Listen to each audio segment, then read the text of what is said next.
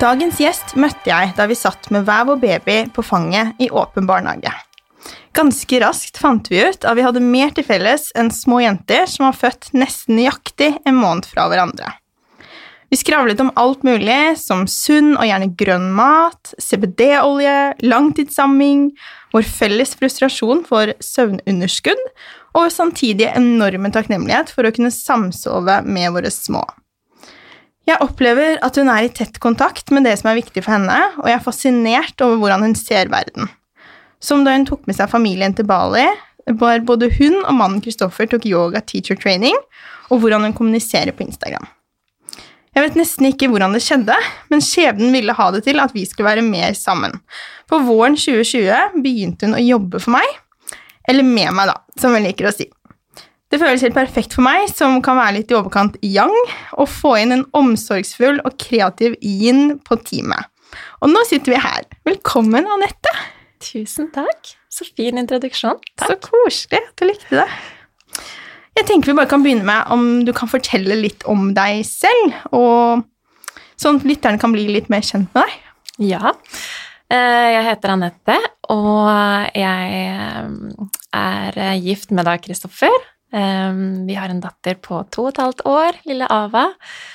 Og um, jeg er uh, yogainstruktør og livsstilscoach og har en bakgrunn fra psykologi hvor jeg fokuserte på uh, positiv psykologi og helsefremmende atferd og hva det vil si å leve et friskt og godt og lykkelig liv. For det tror jeg er alfa og omega, så det er det jeg brenner for.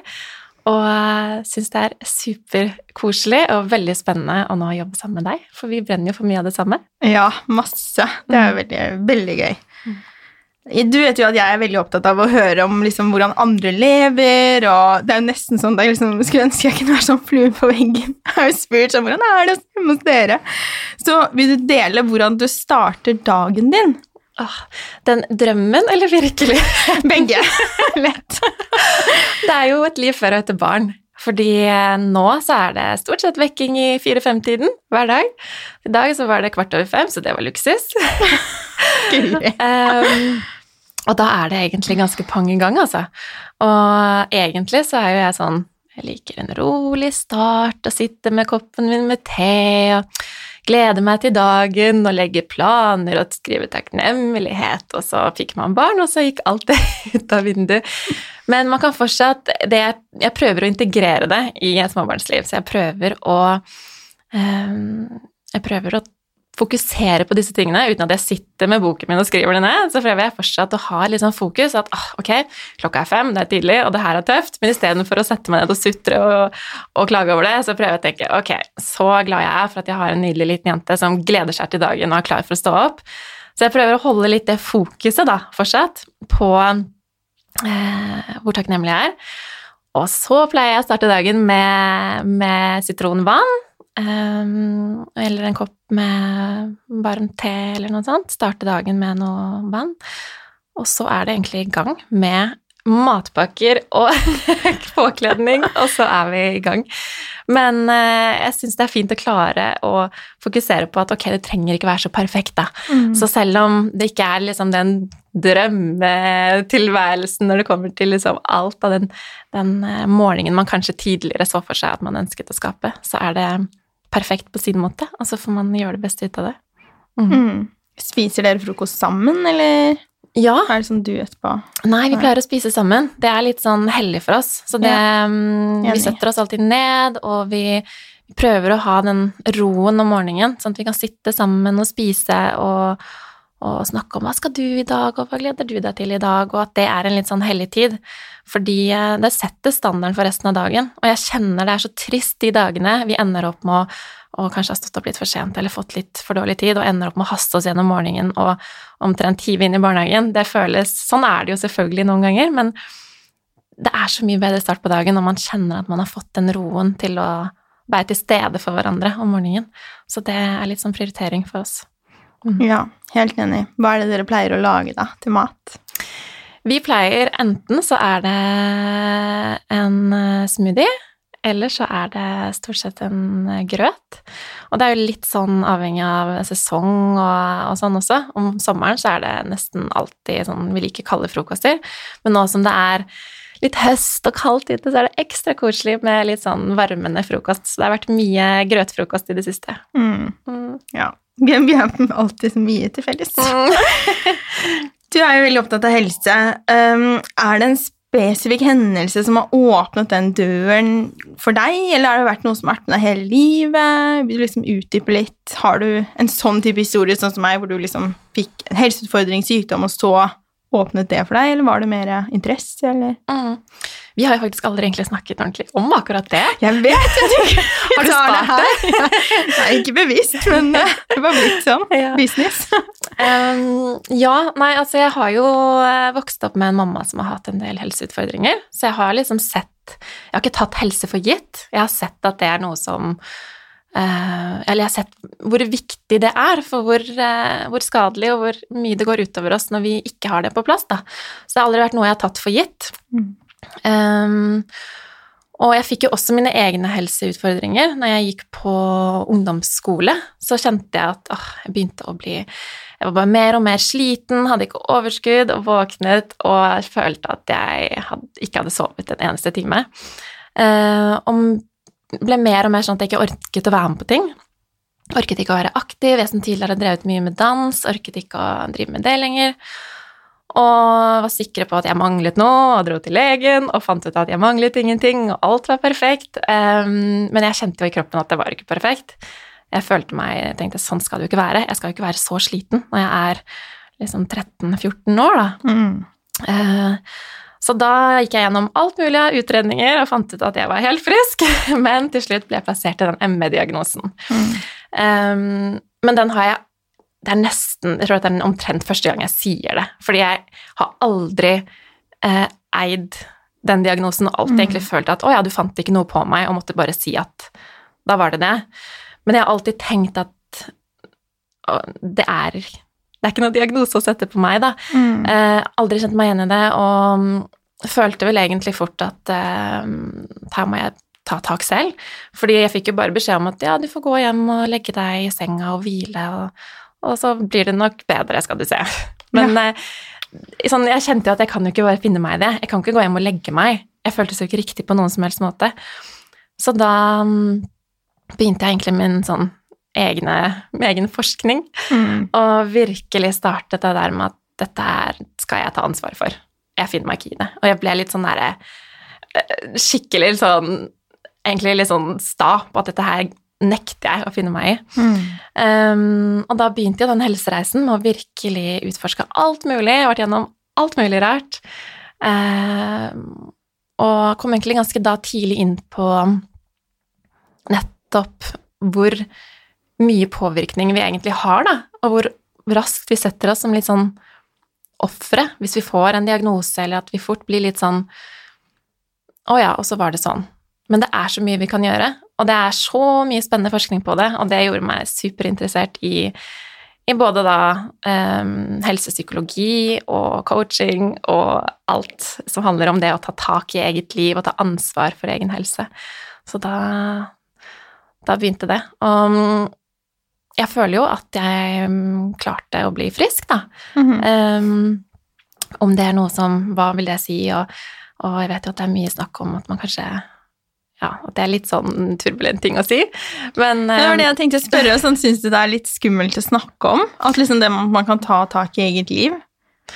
Ja, fordi man kan jo ikke Jeg føler jo også at um, det er skummelt å gi folk ansvaret. At man kan ikke si at det, ja, du er dårlig fordi at du ikke har tatt tak. For jeg vet skyld, ja. Ja, ikke sant? Man kan Mm. ikke si at dette er din skyld, eller dette er noe du har gjort, eller dette er noe du kunne ha forhindret. Mm. Fordi sånn er det absolutt ikke alltid.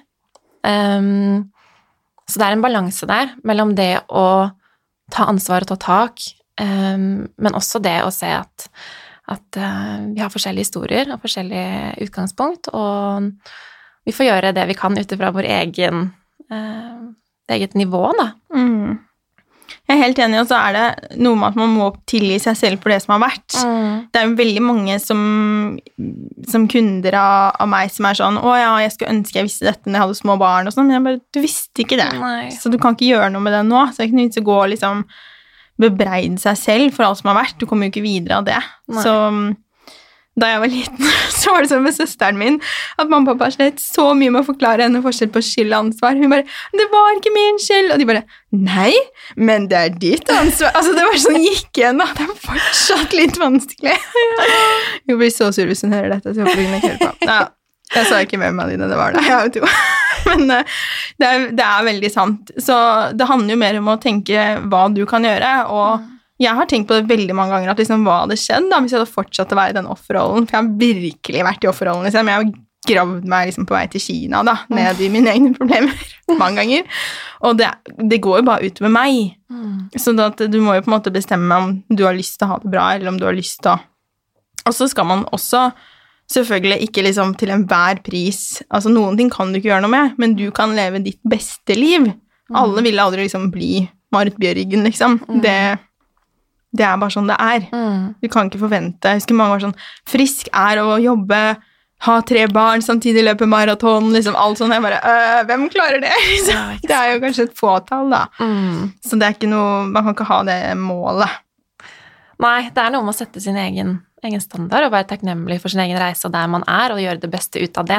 Og allerede der har du kommet kjempelangt, tenker jeg. Mm. Og ta litt sånn eierskap over eget liv, var jo det vi snakket om, og det handler jo liksom også om å eh, sånn som jeg sa, ikke sant, når du er sånn Ja, vi har lyst til å reise, mamma, og sånn, jeg bare Herregud, det går jo ikke an, ikke sant? Det er sånn Ikke at jeg tenker sånn Det kan ikke du gjøre, men jeg tenker sånn Jeg kan ikke det. Og så har man mange grunner, da. Så det er veldig sånn med mat. Er sånn Jeg kan ikke spise salat på jobben fordi alle spiser brødskive, og hva vil de si om meg? Altså, vi har så mange sånne rare tanker. Så når man begynner å liksom dissekere de litt, da, så er det jo ganske latterlig, mange av de. Vi har jo egentlig veldig mye samme utgangspunkt. Mm. Ja, vi har jo faktisk det, og mye handler om litt sånn frykt fra å bryte løs fra det som er trygt og komfortabelt, da. Mm. Men eh, jeg tror at eh, hvis vi lever innenfor de rammene av hva som er trygt og komfortabelt hele livet, så tror jeg veldig mange vil sitte og tenke søren heller at jeg ikke bare prøvde og tok sjansen, for ofte er det verste som kan skje, ikke så ille likevel. Nei. Og det er litt den holdningen vi lever vårt liv etter, da, at eh, vi vil, eh, vi vil gripe sjansene vi får, og så er ofte det verdt å ta risken for. Ja, helt enig. Jeg har jo notert at du er eh, eh, Eller jeg tenker at du er sånn yogini, men jeg prøvde å google det, og så var det kanskje sånn Da er man liksom sånn master Jeg vet ikke, er du det? Er det liksom, eller er det sånn i yoga at man ikke skal kalle seg Yogini er jo på en måte Ja. bare en eh, kvinnelig oh, okay. yogi. Ja, ja. Um, men altså, hva er definisjonen på det? Det kommer jo Jeg føler jo at jeg er det, men jeg føler også at du kan bare si nå at, jeg er, at du er det. Fordi det handler Mm. også Det handler om et fokus. Så mye mer enn å være den som kan stå på hodet. Ja, Ikke sant? Jeg er liksom så stiv, så Eller særlig sånn downward dog, da er jeg veldig sånn stiv. Vel, veldig digresjon. Um, men hva betyr yoga for deg i hverdagen, eller i livet ditt generelt?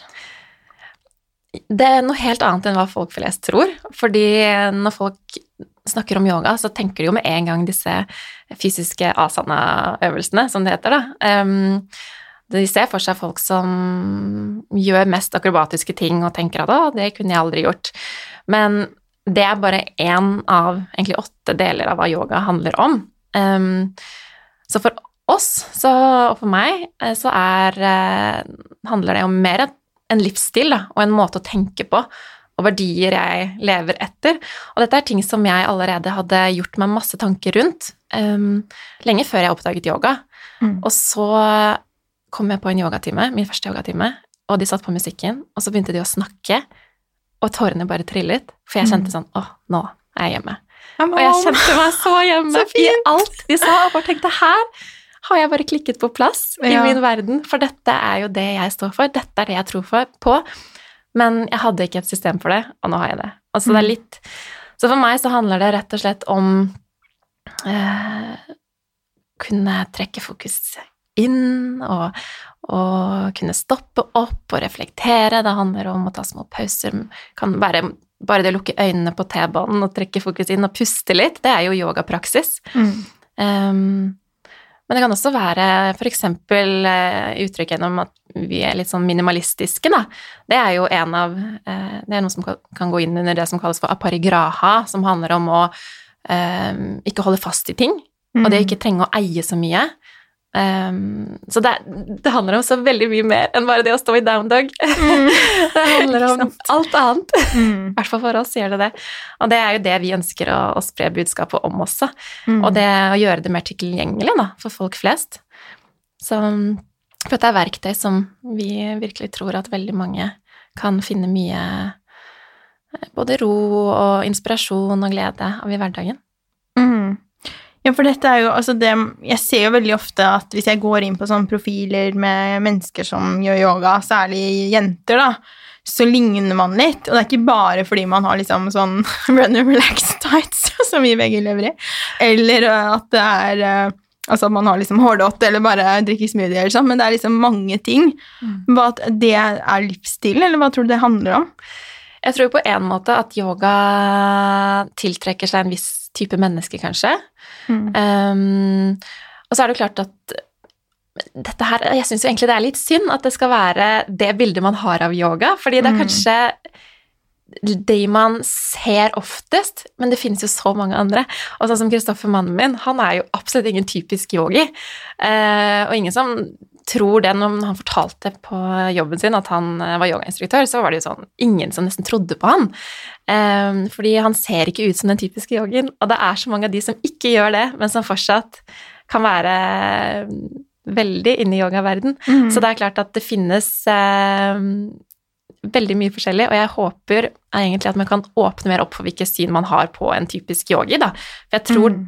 det synet også kan være med på å hindre mange å tørre å prøve seg på yoga, da. For de Absolutt. tenker at ja, men jeg er jo ikke en sånn type, så da passer jo ikke det Mm. for meg. Men eh, ja. Ja, og når yoga kom til Norge altså ikke sånn, Det kom jo sikkert lenge før det òg, men det ble litt mer eh, kommers, da, kan man jo si. Så starta det jo opp med at mange var liksom sånn Dette er jo veldig sånn religiøst, ikke sant? Og i Norge så møter vi jo alt med ryggen til. Altså, vi er jo så lite glad i alt som er nytt. Eh, så det jeg tenker at det er nok fortsatt mange som har litt den holdningen. Og, og så er det veldig mange som er sånn Det er ikke trening. Og liksom de tror at de skal liksom, yoga er trening, og de, de Jeg var jo der selv. Altså, jeg Det er jo så flaut. Jeg gikk jo før savasana. Altså, og bare var sånn Ain't got time, for å ligge der, liksom. Jeg skal on to next. Skal videre på en ny styrketime, eller gjorde det etter løpetimer og sånn. Mm. Uh, og så skjønte jeg jo at det var så viktig med den å få den roen, og det har jo hjulpet meg veldig i forhold til å få ja, altså bli frisk fra ME. Og jeg gikk på medisinsk yoga, hvor jeg liksom bare lå og eh, halvsov ikke sant, i en halvannen time, uh, som var veldig fint. Men jeg vil jo gjerne gjøre mer yoga nå. Jeg føler at jeg vil være en yogini. Også en fysisk yogini, kan man si. Mm. Men så får jeg ikke helt til. Jeg syns det er så terskel, da. Har du noen tips til hvordan jeg kan få det mer sånn inn Liksom ta litt Mm. yoga her og der? Tenker du på da, da tenker du på de øvelsene? Da tenker jeg Ja. på disse fysiske øvelsene, da. Hvordan, liksom, hvordan løser du det som mamma som står opp altfor tidlig og det trenger jo ikke Igjen er det handler om å sette ned terskelen, da. Mm. Fordi eh, det er jo sånn som du også snakker med dine kunder om når de skal begynne med et nytt kosthold. De kan jo ikke begynne med alt på en gang. De må begynne med ett og ett steg, og først kjenne at de kan mestre det og være fornøyd med det.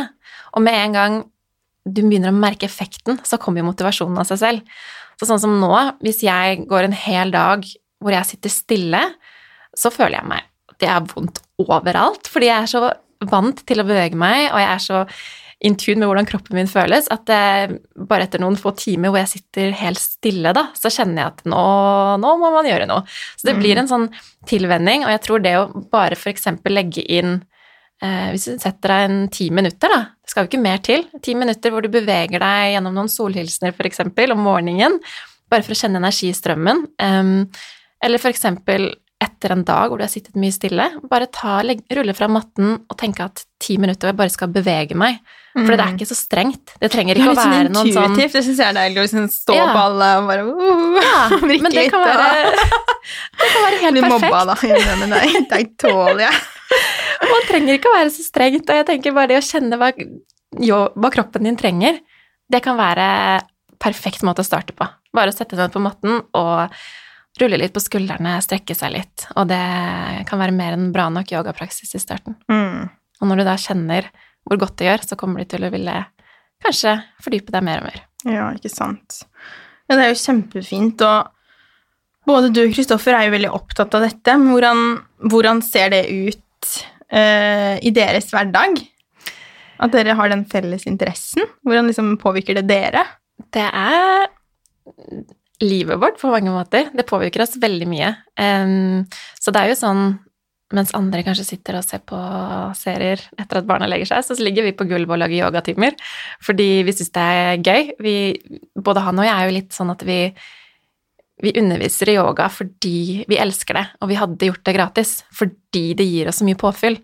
Så um, for oss å ligge og skape deilige flyter som vi tenker 'Å, disse kommer til å bli så deilige', Ja. det er noe vi elsker å gjøre. Og det er også Vi snakker jo mye om filosofibiten, leser bøker om yoga, og vi, det påvirker jo, gjennomsyrer jo hele livsstilen vår. Og det er sånn, vi tenker jo ikke så mye over det i hverdagen, fordi det er en så naturlig del for oss. Men når vi kommer hjem til andre eller møter andre og ser hvordan de lever, så blir vi sånn Oi, vi er litt annerledes. Og det er først da man egentlig ser sånn Å ja, ja. Det er, det er kanskje ikke så vanlig å sitte sånn og puste gjennom ett og et nesebor på kvelden. Nei, altså jeg husker første gang jeg var etter hadde, gjorde yoga med Ava om morgenen, og da var jo ikke hun kanskje ikke et år engang, da, når vi først møttes. Og så hadde dere sånne, hva heter det, sånne boller. Sånn syngeboller. Ja, Mm. og da var jeg så bare sånn, wow, altså det er jo veldig kult, men som, for meg da, som har en samboer som liksom, han er ikke noe opptatt av mat, eller sånn holistisk, men vi har faktisk klart noen ganger å få han med på sånne um, tøye, sånne tøye litt og sånn, med sånn yoga with Adrian og sånn på nakke og sånn, og det er jo veldig hyggelig da, og veldig deilig. Det er jo kjempefint. Ja, det er en veldig, vi føler oss veldig takknemlige og heldige som kan dele akkurat det her, da. Men eh, vi er jo liksom ytterpunktet igjen, og det trenger jo ikke, hvis man ønsker å få med seg partneren sin på å gjøre litt yoga, så trenger man ikke å sitte og bruke syngeboller og meditere og puste og sjante og ta det hele veien. Det, det trenger ikke å være sånn. Det går an å bare strekke litt på nakken. Ja, og det viktigste også tenker jeg er at man trenger jo ikke å kutte ut andre ting man liker fordi man innfører noe annet. Sånn hvis du innfører mer eh, avspenninger, yoga, sånne ting i livet ditt, så trenger du ikke å kutte ut og se på liksom Real Housewives hvis du fortsatt gir deg energi. Altså, det er noe med det at liksom, For det har jeg følt veldig mye i mitt liv, at det er sånn Nå skal jeg bli en ny person! Og så begynner jeg liksom å skulle forme meg selv som plastelina, og det blir litt sånn Du liker jo det du liker, liksom. Embrace at du er, at du er flere forskjellige Jeg tror det er kjempeviktig det du sier der. Og det er noe med at man kan ikke Vi kan heller ikke flykte inn i en eh, hule oppe i Himalaya og sitte der og være en perfekt eh, yogi, for det, det er ikke perfekt i mine øyne uansett. Det perfekte er jo å leve en moderne livsstil og leve et moderne liv og kunne uh, se på bloggerne og så Mm. og på en måte kombinere alt. Og jeg Mm. tror det, det å finne den balansen, da, det er det perfekte. Så det, det er jo det vi streber for også. Og vi Ja. koser oss med alt mulig rart. Vi er ikke enten-heller. Nei. Nei, det er veldig Det er bra. Jeg tror det er sånn Det har blitt bedre nå, men det har, før så tror jeg vi Mange av oss som var i sosiale medier rundt helse, som vi viste bare mm. det liksom bra vi gjorde, for det var jo det man tenkte var inspirerende. Men så er det kanskje viktig av og til liksom være litt sånn Jeg er veldig normal også. mm. Det tror jeg er eh, fint, da. Så har vi jo egentlig snakket litt om men hvordan liksom, kan vi komme i gang med det du snakker om, mer sånn yoga, enn livsstil. Hvor starter man hvis man er nysgjerrig på dette? Hvor kan man finne informasjon, eller Når det kommer til akkurat livsstilsbiten, så tenker jeg at det handler mye om de første altså leddene i de åtte stegene av yoga, da, eh, som heter niyamas og yamas, og som er litt sånn leveregler, da. Men det er jo ikke regler i den forstand at eh, det skjer noe gærent om du ikke følger det, men det er mer det at eh, dette er noen retningslinjer som man kan leve livet sitt etter, og som kan være en viktig del av en livsstil, da. Mm. Og, og det er jo det er det ti forskjellige sånne retningslinjer. Og det å sette seg og se på og dem, um, og hva de innebærer som En av de jeg nevnte, var paragraha, men du har også f.eks. satya, som handler om å leve og snakke og være ekte. Og det handler om å bare uttrykke hvem du er. Tørre Ja. å stå for hvem du er. Snakke din sannhet. Dette er Mm, ting som Dette er veldig fint. ja. Og ahimsa, som er kanskje en av de mest kjente, som handler om dette med å unngå skade. Og det handler om både eh, dyr og mennesker, planeten vår, men også oss selv. Det handler om å kjenne at vi kan være gode mot oss selv i hverdagen og livet vårt. Mm. Og, så det er, det er mange Bare det å google disse her åtte leddene Men én ting er selvfølgelig å vite om dette, en annen ting er å gjennomføre og implementere. Og det er jo Det vet jeg absolutt at én ting er å vite, en annen ting er å faktisk eh, ja, leve det ut. Og det er noe vi øver på, da. Og vi har jo hatt en sånn liten sånn challenge oss imellom i familien, da, hvor vi har hatt et eget fokus hver dag. Hvor vi eksempel Ok, i dag så skal vi eh, I dag så handler det om eksempel satya, da, som handler om å snakke ekte. Så i dag skal vi utfordre oss selv må hele tiden ha det som fokus. Hver gang vi møter et menneske, så skal vi kjenne at vi virkelig snakker fra vår egen sannhet, og ikke ta på oss noen sånn rolle eller maske, Nei. eller som vi fort. Rett fra leveren. Ja. Nei da. Ja, men altså ja. Ja, men skjønner hva du mener. Samtidig liksom... Som vi liksom- beholder ahimsa, da, og ikke skader noen med ordene. Ja. Det er fine linjer her. Men det er klart, ja, det er ikke nødvendigvis sånn eh, veldig enkelt å, å leve det ut, men det kan gjøres enkelt. Det kan jo handle bare om et fokus, og det kan også bare være å, å kanskje minne seg selv på å ta fem minutter hvor man lukker øynene og puster hver dag. Det kan også være en del av det å ha eh, leve yoga som livsstil. Det kan også være å være bevisst at når du er stresset, at du husker å trekke pusten ned i magen. Og så alt dette her, det gjennomsyrer jo egentlig hele livet, da. Du kan bruke det når du sitter på T-banen, eller i en stressende situasjon, eller når du står og lager mat. Så kan du være bevisst fokuset ditt, og, og bruke det som litt sånn positive verktøy, for det skal jo ikke være noe, noe strengt. Det skal jo være noe som kan hjelpe deg å ha det bedre, da. Mm. Det er jo så mange ting man føler at man liksom må, men jeg tror egentlig veldig mye av det er litt sånn Det er jo oppdiktet, ikke sant? Så det går litt tilbake til det med eie, tror jeg. Eh, For der er jo det liksom litt unike, at det der er litt sånn Ja, vi kunne tenke oss å egentlig bare ha en leilighet, og ikke liksom man er sånn strever etter å kjøpe seg et svært hus med, og ha to biler og fem par ski og fem par Du vet, liksom, det er så mange som bare har så mye ting. Og, og vi har jo snakket litt om det i forhold til sånn gaver til barn, og liksom hvordan løse det. At det, det blir sånn kjøping hele tiden, da.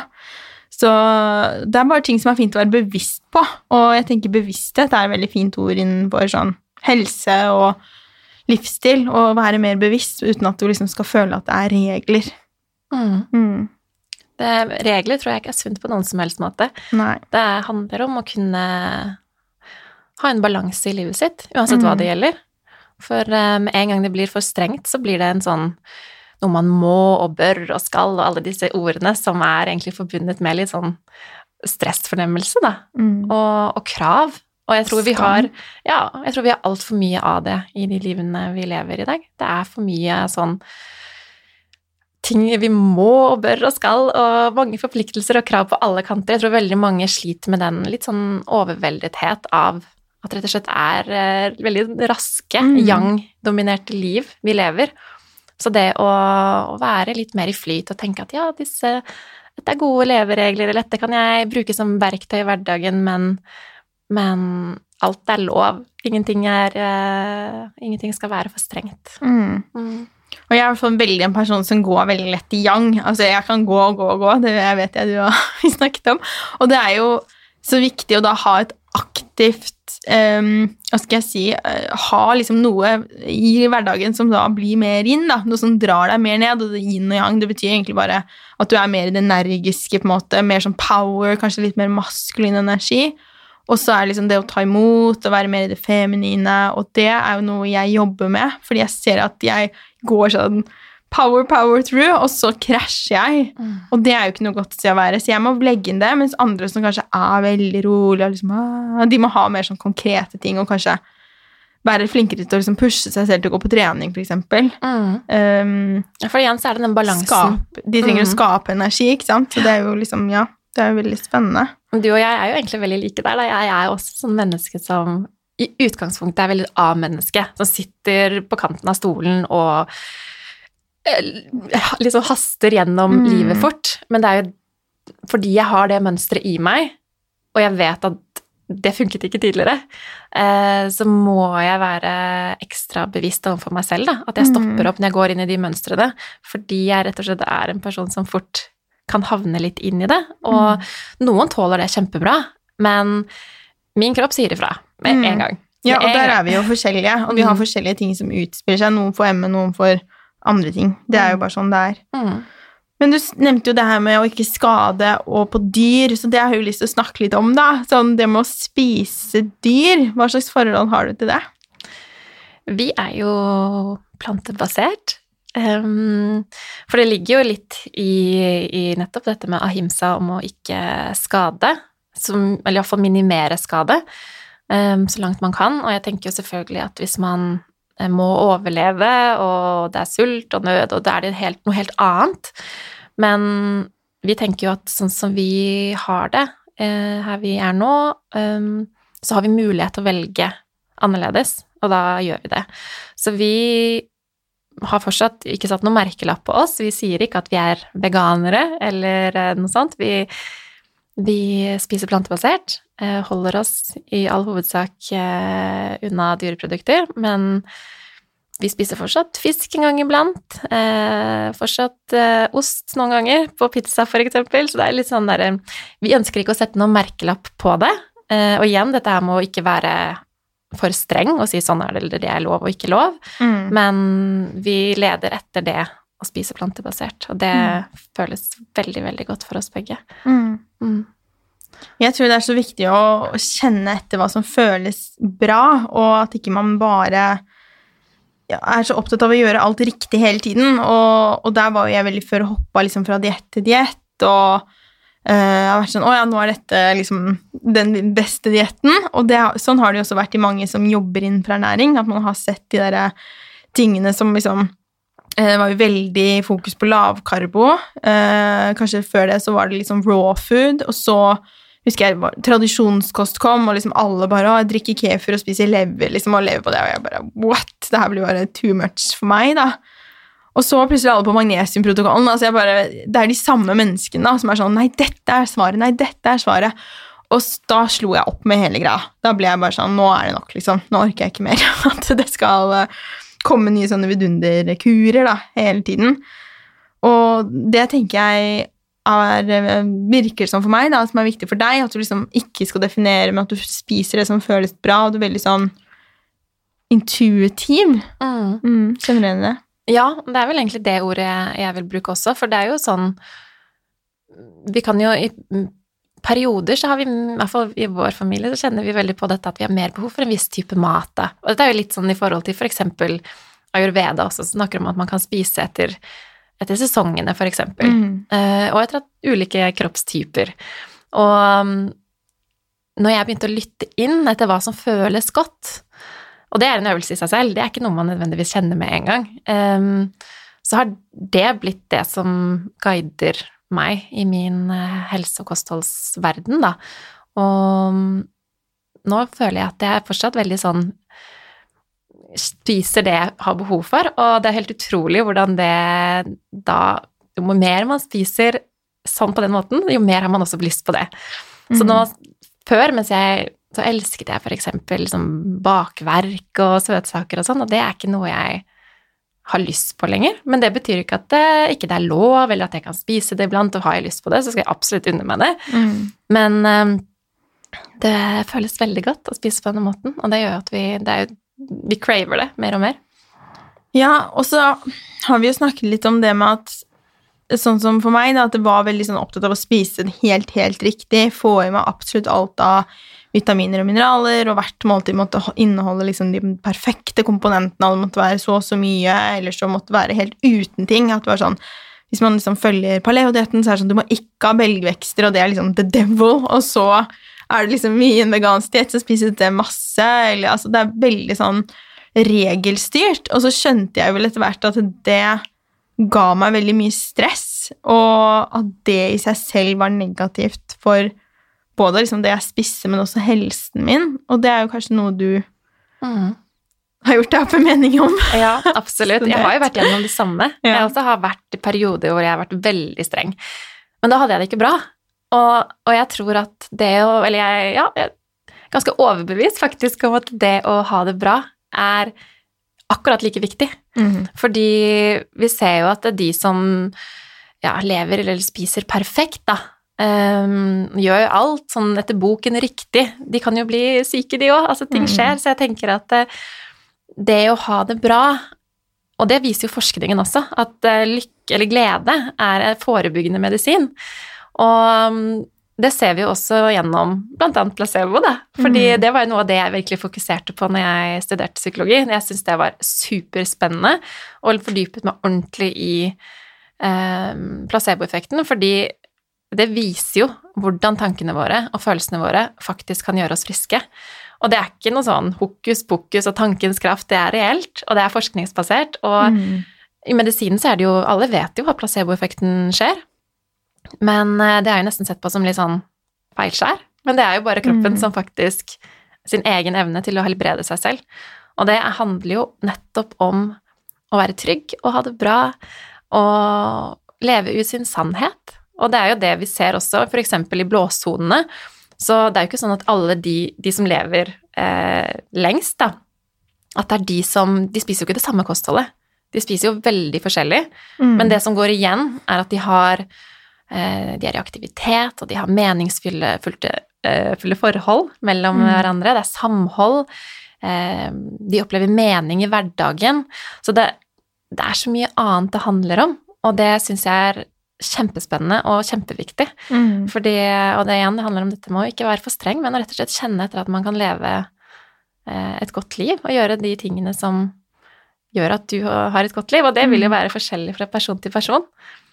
Men det Jeg ser på det som en minst like viktig bit av dette helsepuslespillet, da, som eh, kosthold og som bevegelse og som eh, alt disse andre tingene. Men det spiller også en rolle, og det er også med på å skape den samme, mye av den samme effekten i kroppen, nettopp denne eh, at du roer ned nervesystemet, setter deg inn i en litt sånn healing-respons. Så det er eh, mange måter å slå på denne kroppens egen healing-respons. Ja, og det som jeg synes er spennende at du sier, er jo dette at det er forskningsbasert. For veldig mange er sånn herre Å, jeg kan ikke tenke meg frisk. Og liksom sånn, og jeg bare Nei, jeg, jeg skjønner jo at du ikke tenker det, fordi det er jo heller ingen som kan tenke Altså, Hvis jeg hadde um, hatt ME nå, så kunne jo ikke jeg liksom sagt sånn Ok, nå skal jeg lære deg å lage ME i egen kropp. det går jo ikke den veien heller, og det er jo samme med kreft og sånn. altså Man kan ikke tenke seg til kreft. Men, um, men jeg tror at det, hvis man åpner opp for at man har mer påvirkning, og kanskje begynner å lese litt om den Kanskje hvis man er mer sånn at man trenger den forskningsbaserte, så er det så utrolig mye litteratur, og vi ser jo også sånn som Joe Dispenza, og sånn som bare gjør sånn helt amazing ting da, med visualisering og Så det er kjempe Det er utrolig spennende, Mm. men det er også litt sånn Jeg opplever selv at det er litt sånn fjernt. Mm. Jeg jobber med det selv og har faktisk klart å bruke tanker til å endre hvordan kroppen min føles, Mm. så er det veldig vanskelig å forklare. Og det er veldig vanskelig Det er jo ikke håndfast. ikke sant? Det er jo ikke sånn at jeg spiste salat så og så mange uker, og så gikk jeg ned i vekt og følte meg bedre. ikke sant? Det er ikke så enkelt. Og vi, vi liker jo veldig godt å liksom se sammenhengen. Det er akkurat det. Vi vil gjerne ha noe veldig konkret, og derfor vi liker å få en medisin og tenke at å, denne skal gjøre meg frisk. Men eh, det, er litt, det er litt mer vanskelig kanskje med det som ikke er like håndfast. Men hvis man er den forskningsbaserte typen og trenger det, så bare det å lese hvor mye forskning som faktisk finnes på det her, kan jo være motivasjon i seg selv. Og det har jo vært viktig for meg også å, å sette meg inn i, og det har vært med på å virkelig overbevise meg om denne kraften, da. Og det er jo eh, altså For eksempel, da, det er jo så konkret som at det, forskning på folk som hadde meniskproblemer, Mm. så har de operert én gruppe eh, for meniskplager, og en annen gruppe den, de fikk bare arret. Så de bare så ut som om de hadde De skar, de skar dem eh, opp, eh, og de trodde de hadde fått operasjonen, og de hadde akkurat den samme effekten. Og dette her er bare ett av mange eksempler som viser at eh, de som tror de får en viss medisin, eller de som tror de får en viss operasjon, um, de har samme effekt, kanskje enda bedre, fordi de slipper bivirkninger. Mm. Og det, det, viser jo hvor viktig det er for oss å, å tro at vi blir friske, og virkelig sende bade kroppen i gode kjemikalier, for det er jo det det egentlig handler om. For tankene ja. og følelsene våre de sender signaler inn til reptilhjernen og amygdala og hippocampus, og alt dette her sender jo signaler videre til hele systemet vårt. Og cellene våre blir jo badet i kjemikalier avhengig av tilstanden i kroppen vår. Mm. Så um, det er jo veldig interessant hvordan vi har 25 000 eh, gener i kroppen, og disse kan uttrykke seg på minst 30 000 måter hver, hver og en av dem. Um, og hva som påvirker hvordan de blir uttrykt, det er miljøet. Mm. Og jeg tror vi har en enorm påvirkningskraft på å påvirke det miljøet i vår egen kropp på mange mulige måter. Men, mm. uh, men det å kjenne at man har så mye større påvirkningskraft på sin egen helse, og det å virkelig kjenne at du har det bra mm. Um, og kjenne etter hva det betyr for deg. Stoppe opp og tenke lever jeg det livet jeg ønsker, eller lever jeg det jeg tror jeg bør leve? Mm. Um, for jeg tror det er veldig fort gjort at man omtrent løper seg litt gjennom livet før man plutselig kjenner at det var ikke helt det her jeg ville. Og um, det er så viktig å stoppe opp før vi kommer til den eventuelle livskrisen, eller at vi kommer til det punktet at det, det er for sent. Da. Det er noe med å kjenne etter hele veien å ta de stegene, sånn at man kan få gjort de endringene som skal til for at man skal ha det så bra som man kan ha det. Ja, og vær smart på hvem du lytter til. Vi har jo begge vært sikkert gjennom liksom, Jeg vet hvert jeg har fått mye beskjeder da, opp igjennom fra både helsevesen, pasientforeninger, andre rundt, liksom. Bare alt fra nabo Det er mye råd som går, og det er så viktig at du ikke på en måte tar på god fisk at én lege gir deg én beskjed, mm. og så er det sånn 'Å ja, det var mitt liv'. Mm. At du gjør det til din identitet. Mm. Det er jo veldig viktig. Så heng rundt andre mennesker som er mer åpne mm. for, uh, for, det vi snakker om nå. Hvis du kjenner at du bare 'Det har jeg også lyst til å, mm. å gjøre', og åpne opp for at jeg kan gjøre en endring. Ja, for det er jo den, den skumle motparten av placeboeffekten nå. Det er jo det som heter nocebo-effekten, som er mm. rett og slett det motsatte. At vi kan eh, hvis vi får beskjed om at den, dette her kommer til å gjøre deg syk, så øker det sannsynligheten for at du blir syk.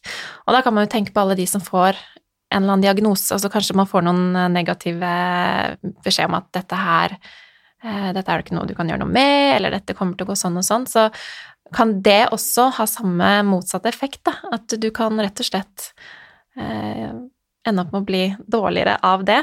Og det også er det jo masse eksempler på i forskningen, som f.eks. For hvis man gir folk eh, innsprøytninger med ting de er allergiske mot, sier at dette, 'nå sprøyter jeg deg med dette stoffet', de forventer å bli allergisk, blir kjempeallergisk, viser seg etterpå at de hadde f.eks. bare fått saltvann. Mm. Så det er en ordentlig sånn effekt, og folk som har fått beskjed om at nå får du cellegift, mister håret. Så det er, oh, det er ordentlig sånn fysiske Det er ikke bare det at du får 'Å ja, nå følte jeg meg dårlig', men det er ordentlig fysiske reaksjoner som skjer i kroppen som et resultat av at du tror det skal skje. Mm.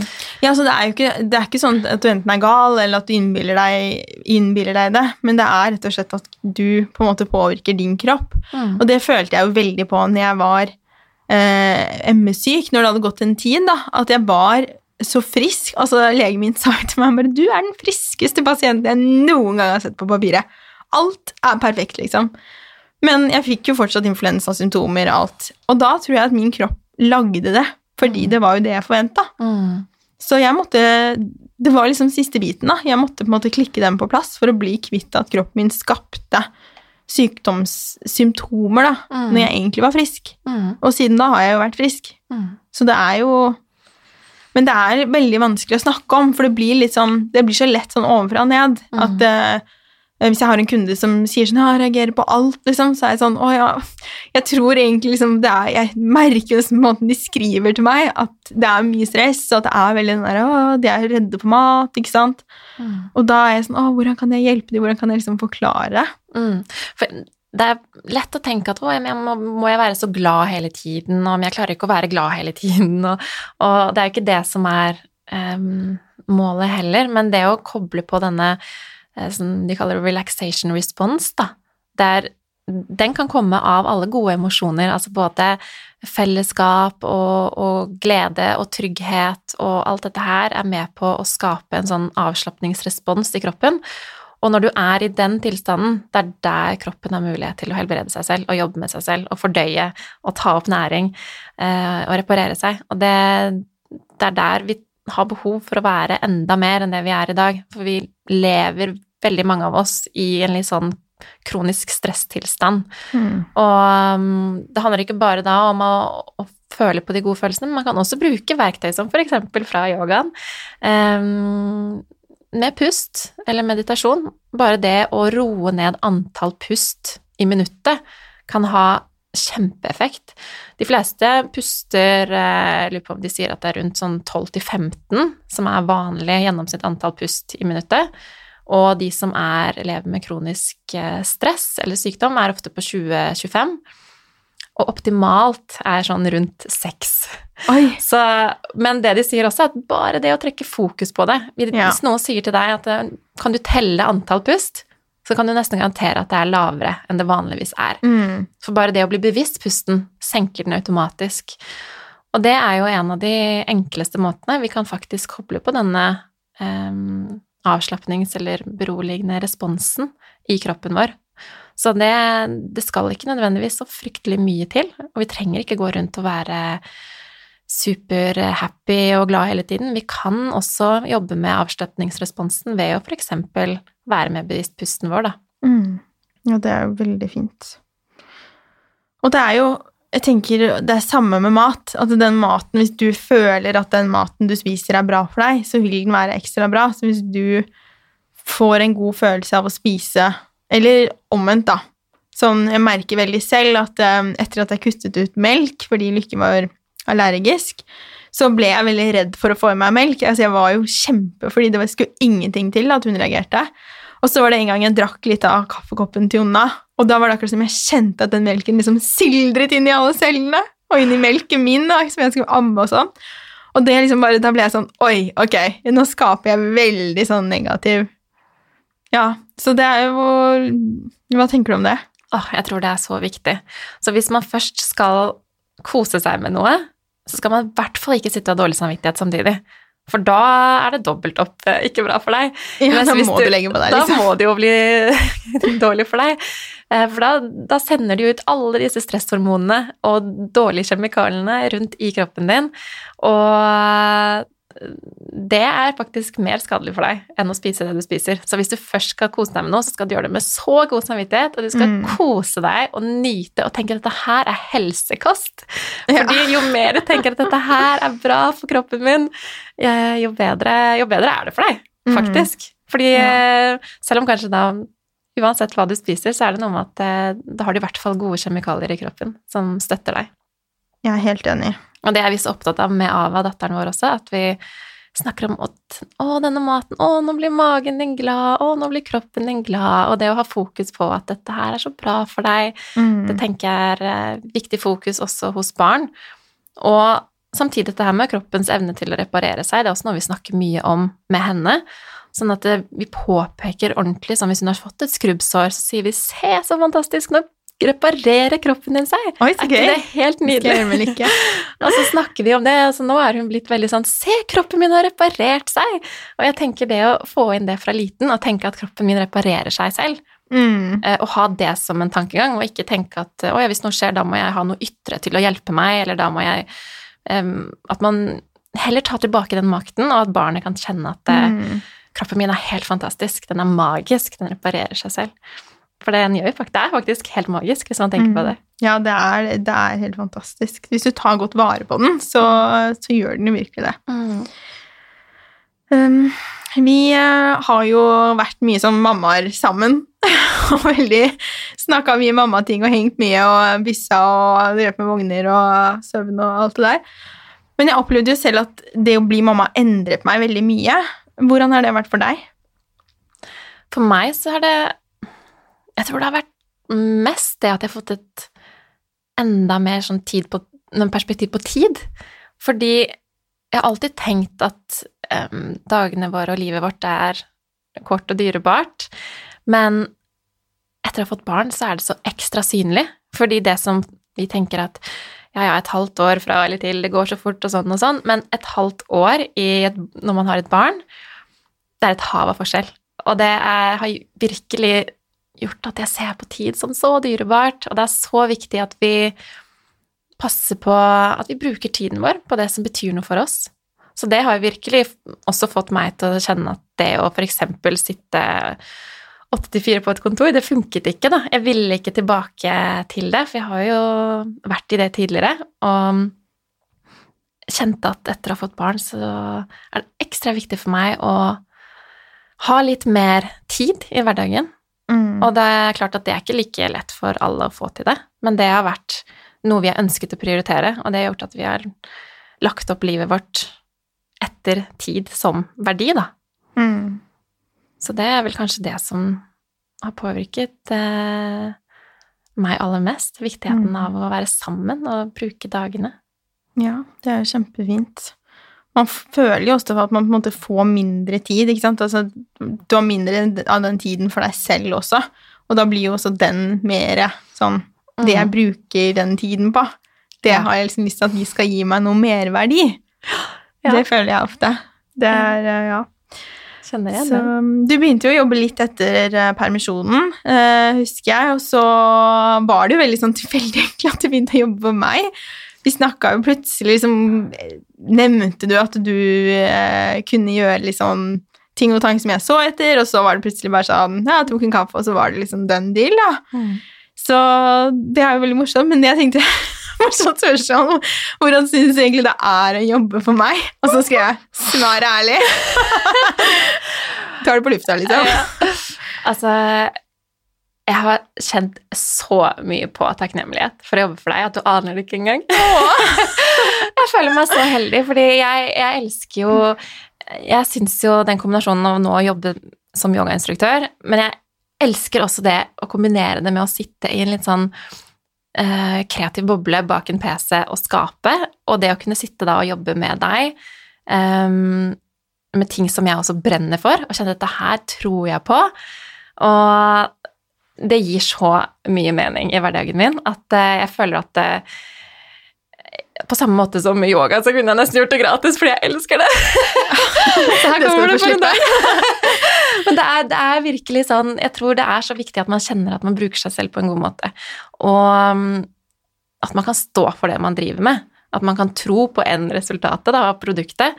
Og jeg ser jo at du er med på å endre liv, og jeg syns det er fantastisk å være med på det og kunne bidra med, med litt, eh, litt mindfulness og pust Ja, inn, i, inn i, i kursgruppen. Og så føler jeg vi har en veldig god måte å utfylle hverandre på. Mm, jeg er Så enig. jeg syns det er helt supert. Det er jo veldig hyggelig også, fordi jeg vet jo at alle sier sånn man har verdens beste følgere og sånn, men jeg føler at det er veldig god energi da, i den gjengen som vi er, både på Instagram og Facebook og i kurset, absolutt, og det, det gjør at jeg fortsetter, fordi at jeg kunne aldri liksom, jeg tror ikke jeg, se da, hvis det blir sånn etter hvert, jeg har jo hørt at når man får liksom flere følgere, så blir det mer negativt.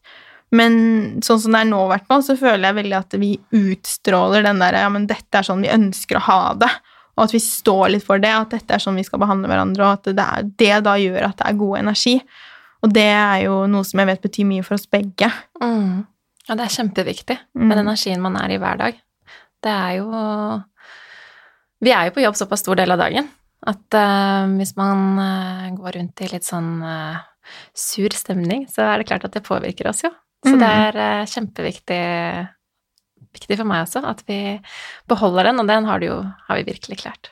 Ja. Mm. Og jeg føler at jeg er det hele tiden. Jeg prøver jo liksom å være flink til å legge litt bort jobb også, Mm. og jobbe med det mye, men derfor så er det så viktig at det føles bra, og da har det jo vært fantastisk og en åpenbaring å kunne få litt hjelp, fordi det var ikke et sekund for tidlig for meg, og det tror jeg du har skjønt. Ja, det er litt å ta av, da, kan Ja, du si. det er nok å gjøre. Men det er veldig gøy. Kanskje det Det er- blir flere etter hvert også. Kanskje blir ja, mye spennende som kommer. Så det Ja. er bra. Mm. Um, har du noen morsomme sånn helsehacks eller sånn mat du er opptatt av, eller ting som du gjør? Vi har jo liksom snakket om mye forskjellige sånne ting, sånn diller vi har hatt, da. Mm. Hva er det du er opptatt av nå? Um, om dagen så er vi veldig på det sellerijus-kjøret, da. Mm. Så vi- Så det går i sellerijus etter den sitronvann om morgenen. Så er det sellerijus eh, ja, si fem av syv dager kanskje i Mm. uka. Og syns det er helt fantastisk. Og da juser dere da to selleri, da, eller? To bunter selleri. Ja. Mm. Og det føles så deilig. Mm. Det er veldig fresht. Ja, eh, vi har eh, I starten så ble jeg faktisk ganske dårlig av det. Jeg, Mm. jeg ble sånn, fikk litt sånn, nesten litt sånn detox-effekt. Jeg fikk Ja. sånn, ble ordentlig sånn kvalm, måtte gå og legge meg ned. Og så har det gått over, og nå føler jeg bare at jeg er med og gir masse overskudd og glede gjennom dagen. Så det, men så har vi også hevet oss litt på det der med bading, da. Så vi Mm. prøver å bade, eh, og skal ha som mål at vi skal prøve å bade en gang minst i måneden gjennom hele året. Så det begynner jo å bli tøffere nå, da. Mm. Så det har liksom gått greit nå frem til eh, oktober, men nå, nå begynner jeg å grue meg litt i november. Men det, det er eh, virkelig den følelsen etter å ha badet i iskaldt vann. Ja. Det er som å ha tatt verdens beste yogatime eller løpetime eller treningsøkt, fordi man får så god følelse etterpå. Mm. Så det, den godfølelsen er verdt de, det halve minuttet med litt sånn lidelse. ja, mamma bader jo hele året. Gjør så bare det? å komme ned på Malmø og bli med. Oi, ja, jeg er med. Ja. det det syns jeg åh, kjempedeilig. Ja, det er veldig deilig. Mm. Hun er tøffere enn meg. Det er sånn, En, en i jula så var jeg sånn Ja, kanskje du skal ta deg et bad med nisselue? Bare ja, gøy, vi gjør det! Og var sånn mm, Angrer på at jeg sa det. Så du ble ikke med? Jeg ble ikke med. Hun bada. Ah, ja, nei, men jeg skjønner jo at det er litt sånn eh, Litt terskel der, da. Mm. Men det er eh, Jeg syns det er sånn med, med trening, da. At man bare pusher deg til å gjøre det. Så er det alltid verdt det, nesten. Ja, og hvis, jeg tror det er også litt sånn at du bygger deg opp. Mm. Sånn at hvis du bare hadde bada liksom utpå vinteren, så er det kanskje ikke like som god følelse. Men hvis du bygger deg opp og liksom gjør det nå utover, Mm. så blir det bedre, da. Ja. Mm, for deg. Jeg tror på det, altså. Mm. Men ellers så er det ikke noe Ellers så er det vanlig for oss. Ja. Ja. og helt til slutt, hva er det som får deg til å gløde? Mm, hva får meg til å gløde? Ehm, det må jo være å drive med yoga, da. Ja. jeg kjenner jo det at det er ingenting som får meg til å føle meg mer på plass i meg selv og i livet enn enten når jeg er på matten og praktiserer selv på en yogatime, eller det å undervise i yoga. Jeg syns begge deler gir meg så mye, og det å kjenne at man kan inspirere, at det skjer noe, se at folk At det skjer noe, det Jeg kan leve lenge på det. Ja, enig. Det er deilig. Det er verdens beste følelse. Mm. Mm. Hvor er det jeg og lytterne finner deg, hvis de skal Eller jeg følger deg, da. Hvis andre vil følge deg, som sikkert vil. Jeg er på Instagram, eh, på Anette Yoga. Um, så bare å, bare å følge der. Mhm. Eller jeg prøver å legge ut eh, noen posts i uka. Men jeg kjenner også der at jeg skal være litt sånn intuitiv. Så det plutselig en dag kommer det tre, og så plutselig en uke kommer det ingen. Ja, det ja. Det må være lov. Og meg finner du på heleneragnhild.no og Helene Ragnhild på Instagram og Helene Ragnhild Ernæring på Facebook. Tusen takk for at du lyttet, og så høres vi igjen snart. Ha det!